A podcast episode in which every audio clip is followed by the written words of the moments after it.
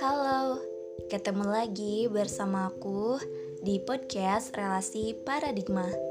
Sebelumnya aku ucapin terima kasih banyak buat teman-teman yang sudah berkenan mendengarkan suara aku kali ini. Dan spesial minggu ini, aku bawain tema yang berjudul ghosting.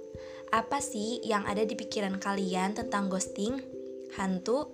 Hmm, bisa jadi, tapi kita bukan mau membahas tentang hantu. Oke, kita masuk ke dalam pembahasan ya.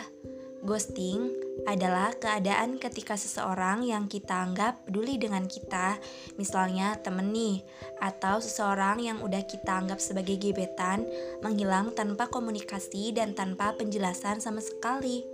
Ghosting ini merupakan fenomena yang sudah tidak asing terjadi dalam PDKT, di mana tadinya semua baik-baik saja, kamu dan dia mesra teleponan, video call, chatan panti, bahkan pergi berdua.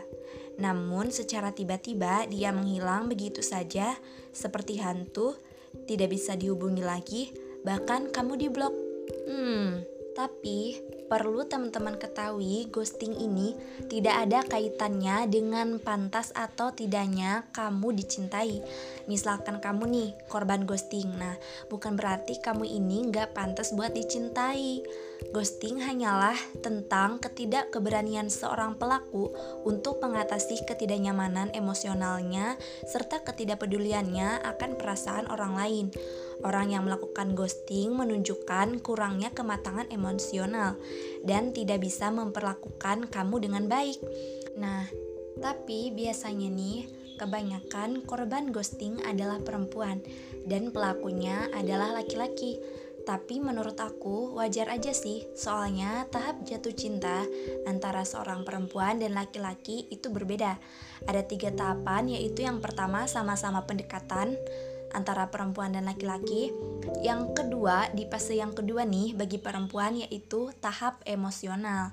Nah, kalau di dalam pendekatan perempuan sudah ke tahap emosional, timbullah rasa baper, rasa ih kayaknya aku nyaman nih sama dia, kayaknya dia suka deh sama aku. Nah, itu di tahap emosional. Namun, tahap kedua bagi laki-laki itu fisik lebih kecenderung apa ya kontak fisik gitu.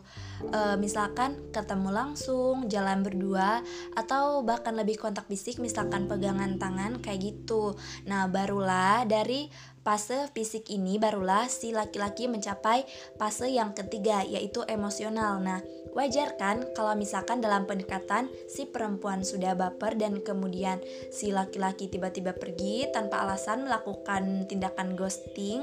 Nah, soalnya si laki-laki belum ke fase emosional. Mungkin dia deketin kamu, anggap kamu cuma temen, mungkin dia deketin kamu mungkin uh, ada maksud tertentu. Solusinya adalah belajar lebih peka.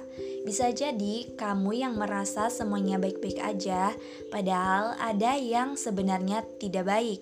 Semakin berjalannya hubungan, biasanya akan semakin terlihat sifat asli pasangan.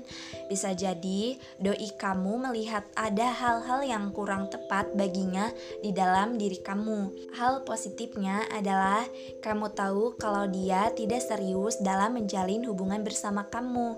Lebih baik tahu lebih di awal kan? Faktanya, ghosting ini merupakan perilaku yang sudah ada sejak muncul interaksi antar manusia. Dinilai sebagai cara terburuk dalam mengakhiri suatu hubungan. Nah, kalau kamu mau mengakhiri suatu hubungan, bicara baik-baik ya, jangan pergi begitu aja.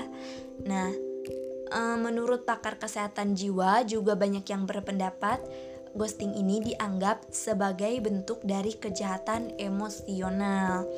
Nah, bagaimana sih tips ketika menghadapi situasi ghosting? Aku kasih tahu ya. Yang pertama nih, paling utama, cintai diri sendiri. Karena mencintai diri sendiri itu lebih penting sebelum kamu mencintai orang lain.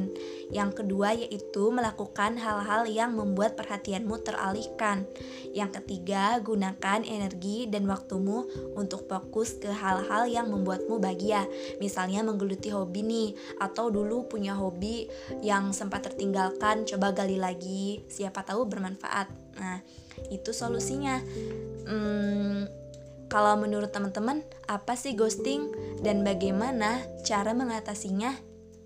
Hmm, aku butuh pendapat teman-teman. Tapi gimana ya?